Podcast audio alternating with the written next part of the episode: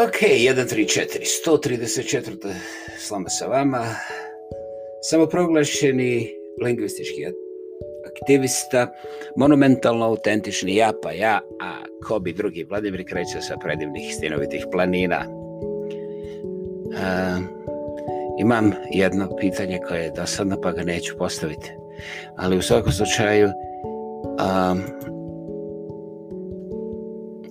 ja sam fasciniran da je Deran koji je imao potencijal okrenuti svijet na opačke doslovce, ostavio nevjerovatan novac i to doslovce ovako, ja ovo moram čitati. Um, it's my express wish that in awarding the prizes no consideration be given to the nationality of the candidates but that the most worthy shall receive the prize whether he be Scandinavian or not. Alfred Nobel. Dakle, kao što ste čuli, on vrlo jednostavno kaže moje nemjerljivo bogatstvo je tu da radi u korist čovječanstva, znači strukturalnu, građevnu, produktivnu, nedestruktivnu, bivajući potpuno svjestan šta je on učinio sa i za eksploziv, sa eksplozivom i za eksploziv i onda konsekventno šta je to uradilo za industriju oružja. E, interesantno, on je bio jedan od vlasnika Boforsa, koji je prestao postojati 1991. a prethodno se bavio čelikom, a to znači dobrim dijelom topovime naoružanjem. Kažu tri i stoljeća, dobro ste čuli, iako su zvanične brojke nekako drugačije, ali kad, kad pogledate izbližak onda ćete primijediti zašto je to ovako. Ovo sigurno nije analiza razvoja teškog naoružanja. A, međutim, E, Alfred Nobel je bio nevjerojatno svjestan cijele igre i on je doista učinio ono što nema paralelno ponašanje u bilo kojoj javnoj ličnosti u zadnjih 150 godina. On je sam doživio 63 godine i umro je decembra 10. 1896. godine, vjerovali ili ne, u Sanremu nije bilo još uvijek koncerta, ali jest bilo Italije. I moje puno ime Alfred Bernhard Nobel. Nevjerovatan čovjek, nevjerovatan čovjek u svemu. Ja naravno ovdje ne pravim njemu nikakav panegirik, ali vrlo je zanimljivo da većina ljudi koje ja znam nema pojma da on ima službeno prijavljenih 355 patenata originalnih ideja da je on čovjek koji je rekao ako ja imam hiljadu ideja i samo jedna se pokaže dobra, kaže onda sam ja sretan, zadovoljan Um, on je također rekao, kaže, ja, ja ovaj, nikad neću posuditi dvije stvari, novac i planove. Kaže, ali ako mi neko ponudi prijateljstvo, kaže, to ću prihvatiti sa velikom zahvalnošću. Ovaj, i sad, e, pogledajte dobro gore, internet je prepun stvari koje on nikad nije rekao, to je, to je čudo ove moderne komunikacije, ali ovaj, e, apsolutno je autentično da je on rekao da je zadovoljstvo jedino stvarno bogatstvo. Znači, zadovoljan čovjek je bogat čovjek, zadovoljstvo je, znači, kada se osjećamo zadovoljni, ovaj, onda smo u suštini bogati. Ovaj, I ako pokušate da čečkate malo o tome kako je e, radio i kako je živio, onda će vam se ukazati da nije nimalo slučajno što je takav čovjek ostavio u nasljeđe nešto što će trajati ja personalno ne vidim kraja dokada ali kao ideja je jedina potvrđena ideja istinskog dobročinstva, istinskog humanizma starija od 100 godina koja se nije pokvarila. Ja ne bih prihvatio diskusiju da li, na primjer, jedan George Bush zaslužuje Nobelovu nagradu ili ne zaslužuje, zato što je to kao ideja ispod nekakvih mojih razina interesovanja interesiranja, sve ono e, zanimanja, nije mi na vidokrugu iz prostog razloga što je sasvim sigurno da u tako jednom ogromnom i značajnom konceptu humanizma i poruke mira u svijetu a, e, sve je to toliko glomazno da je nemoguće da se ne desi iskorak, prekorak, dvokorak i još nekakve nepravilnosti. E, da li postoje ljudi koji su e, gotovo kriminalno i nezahvalno nosioci Nobelove nagrade? Ja sam čuo dosta ozbiljnih ljudi koji kažu da je tako i ja to ne bih istražirao. A ovaj, istovremeno ono što bih istraživao je da je e, proces prijedloga za Nobelovu nagradu e, planetarno otvoren, širok i ovaj, e, ako vi očekujete da neko ko je iz vašeg sela dobije Nobelovu nagradu, a niko baš iz vašeg sela nema ni adresu gdje se pošalje predlog za Nobelovu nagradu, ja s tim imam ozbiljan problem. Jer ja ne mogu da kažem kako Švedska akademija uopće može čisto fizički da ima u svakom selu po nekoliko sposobnih ljudi koji idu okolo i ocjenjuju koje zaslužuje da bude predložen za Nobelovu nagradu, ko nije. Oni razmatraju ono što imaju na svome stolu, što im je dostavljeno i dokumentirano i normalno onda jedan dio onoga što su oni generirali tokom godine sami i znate, ako vi smatrate da ste zaslužili tri Nobelove nagrade, a to ne znači ništa.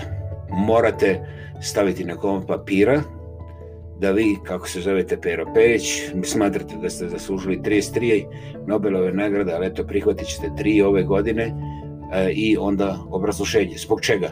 Jer ako vi mislite od svoje vlastite mame dobiti tri kolača, a da joj niste rekli da ona pravi dobre kolače ili da vi želite baš takve kolače ili da su njeni kolači najbolji, Šta mislite koliko ćete kolača dobiti?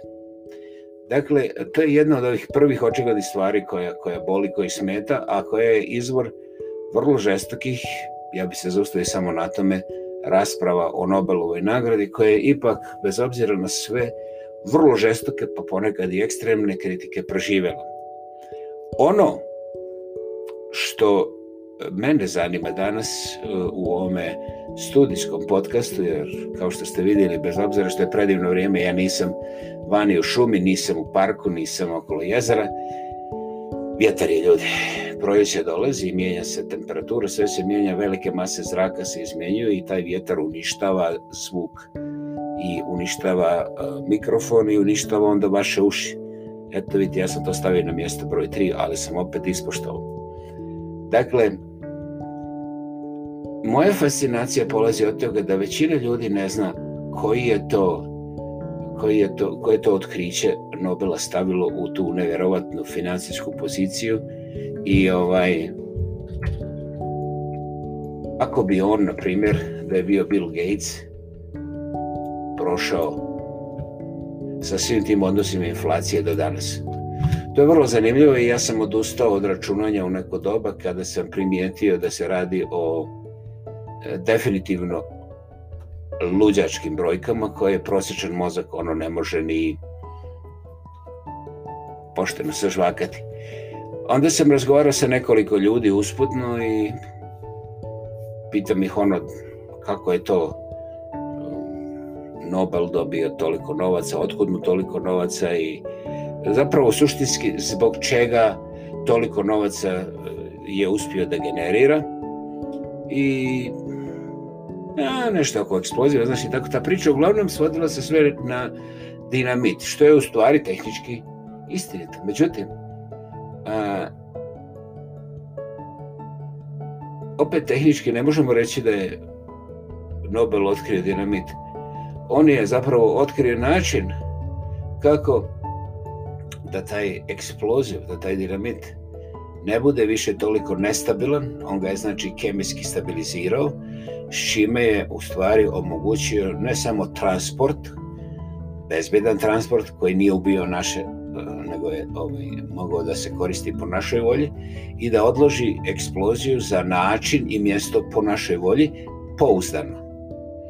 Dakle, šta je on dodao, ja kemijski uopće ne poznajem, ali on je stabilizirao a, eksploziv i onda ta mješavina koja je sada od tekućeg postala čvrsta, znači mogu si da napraviš od nje jedan dobar, jednu dobru granatu koja je onda mogla da napravi puno više štete na drugoj strani um, i masu drugih stvari. Znači on je jednostavno stabilizirao proces tog naglog izgaranja, to jest eksplozije. I to je tako brutalno jednostavno da danas svako dijete zna.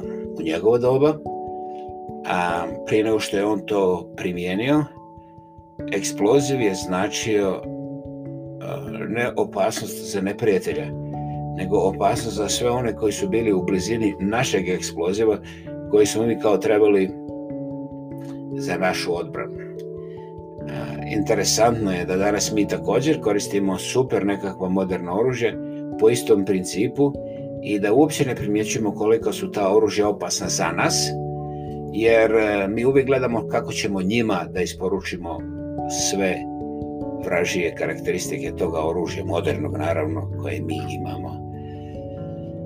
E, da, nameće se to pitanje, sva ova priča zbog toga nameće se pitanje ovaj, kako je moguće da, da, da, da jedan čovjek ne vidi u sto godina, u čemu je u suštini naš vlastiti demajz, naša vlastita promašenost i poraz. Mislim, ja sada mogu da crtam ovo na 15 načina, pa mogu i malo više i da zadržimo se ovdje barem nekoliko sati, ali zbog nekih razloga mislim da je puno pametnije postaviti drugo pitanje. Da li ste primijetili da je Alfred Nobel bio vrlo, vrlo ponosan skandinavac. On nije govorio šveđanin, on je govorio skandinavac, on je volio znači, cijeli taj prostor.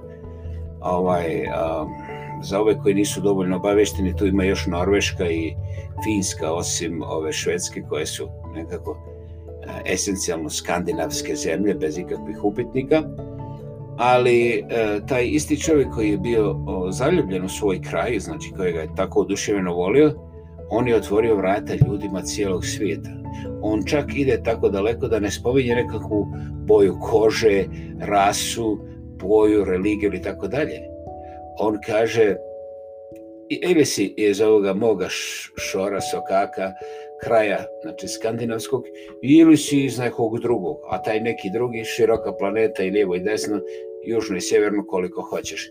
Nevjerovatna veličina. Eto, tako su tako su brutalno jednostavni istinski geniji i još važnije istinski humanisti.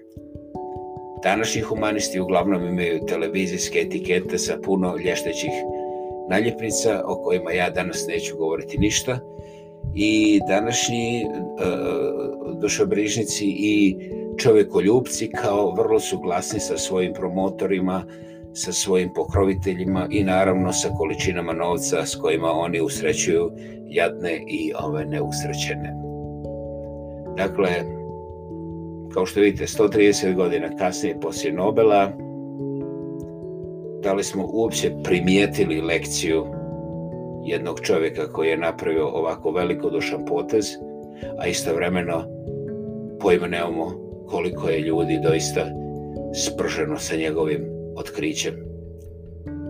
Vrlo interesantno, vrlo simbolično. 134. slama sa vama. Hvala vam na strpljenju i pozornosti. Hvala vam što ste bili danas sa mnom i posebno vam hvala ako zavirite u povijest jednog velikog karaktera koji se zvao Alfred Bernhard Nobel. Kao i uvijek, slama sa vama. Vladimir Kreća, Kobi drugi sa predivnih stjerovitih planina. Doviđenja i čujemo se sutra.